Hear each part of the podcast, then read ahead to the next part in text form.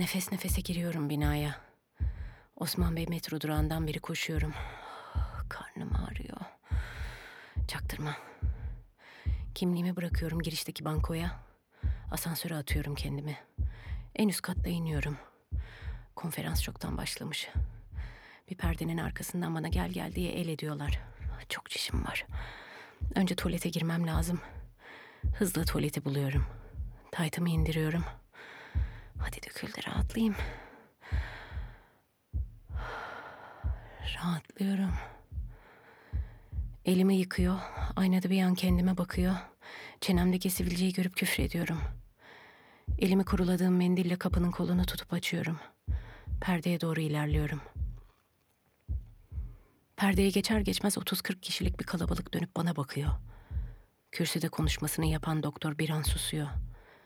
Mahcup bir gülümsemeyle boş bulduğum ilk sandalyeye oturuyorum. Doktor konuşmasına devam ediyor. Endometriozis, infertilite ile ilişkili bir hastalıktır. İki yan sandalyede oturan kayınvalidemle göz göze geliyorum.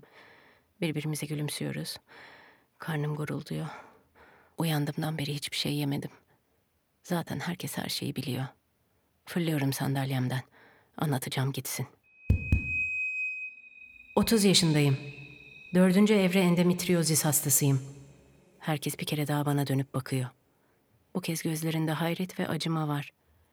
Birden alkışlanıyorum. Doktorun gözleri ışıldıyor. Beni cesaretimden dolayı tebrik ediyor. Hepsi birden bana sorular sormaya, benimle ilgilenmeye başlıyorlar. Gerçekten çok acım. Masanın üstündeki keklere ilişiyor gözüm. Tutmayın beni. Şu keklerden ağzıma bir tane atmam lazım. Başım dönüyor. Bayılsam da kurtulsam.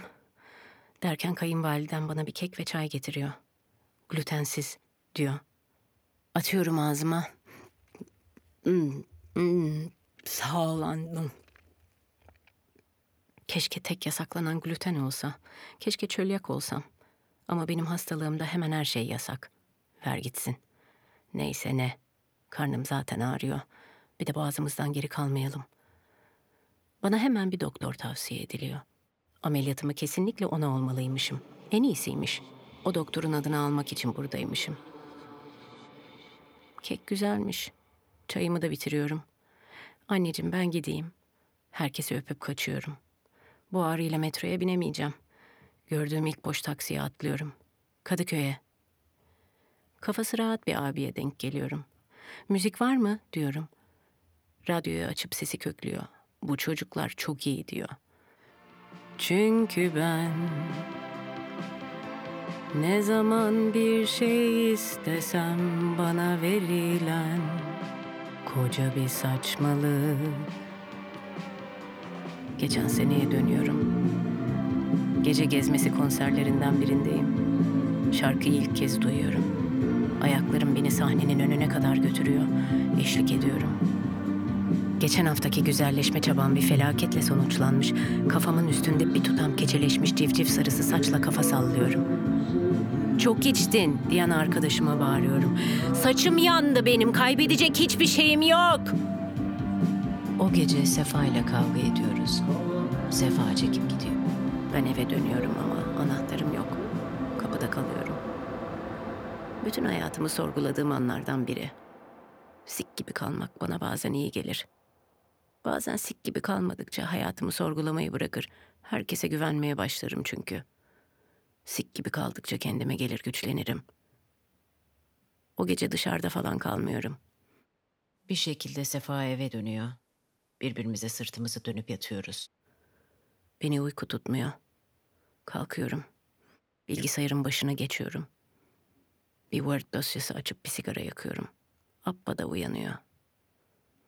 Ne istediğimi yazmaya başlıyorum. Hana'nın tavsiye ettiği gibi ne istediğimi yazarak bulmayı deniyorum. Hep yazmak istediğimi yazıyorum.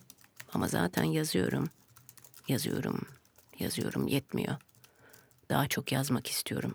Daha çok yazıyorum. Sonra bir gün ameliyathanede uyanıyorum. Hemşireyi bana morfin vurması için tehdit ediyorum. Yoksa onu kovduracağımı söylüyorum. O an o acının geçeceğini bilsem onu parçalayabilirim. Ellerimi kollarımı bağlamakta haklılar. Kendime geliyorum. Annem, babam, kocam hepsi yanımda. Ameliyat başarılı geçmiş. Hemşire sonunda iğneyi vuruyor. Hemşireyi öpebilirim. Ne kadar müthiş bir insan. Şimdi uyuyabilirim. Uyuyunca hepsi geçecek. Gece uyandırıp beni zorla yataktan kaldırıyorlar. Odadan koridora çıkmak bile 15 dakikamı alıyor. Koridorda hemşireyle kol kola yürür gibi yapıyoruz. Yan odanın kapısında mavi giysili bir oyuncak bebek asılı. Altında da hoş geldin Umut bebek yazıyor. Birkaç dakikada birkaç adım daha atıyoruz. Başka bir odanın önündeyiz. Bu odanın kapısında da pembe giysili bir oyuncak bebek var. Mira ya doğmuş ya da yakında doğacak. Odaya geri dönüyoruz. Benim kapımın üstü boş. Yalnızca oda numarası yazıyor. Sekiz. Bir an geleceği görüyorum. Saçlarım uzamış, göğüs uçlarıma geliyor. Üstümde beyaz bir takımla bir yapımcının karşısındayım. Sekiz kardeş olmasınlar diyorum. Üç, bilemedin dört. Yapımcının gözü elimdeki dövmeye takılıyor. Hayvan gibi reyting alan işi kış ortasında bırakan ben, şimdi belli ki proje satmaya çalışıyorum. İyileşmişim. Sağlıklı görünüyorum. Ama kalbim kırık. Kafam karışık.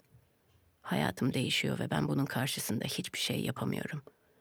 Sefa Londra'da. Biliyorum dönmeyecek. Beni kendimden kaçıracak hiçbir şey yok. Allah kahretsin.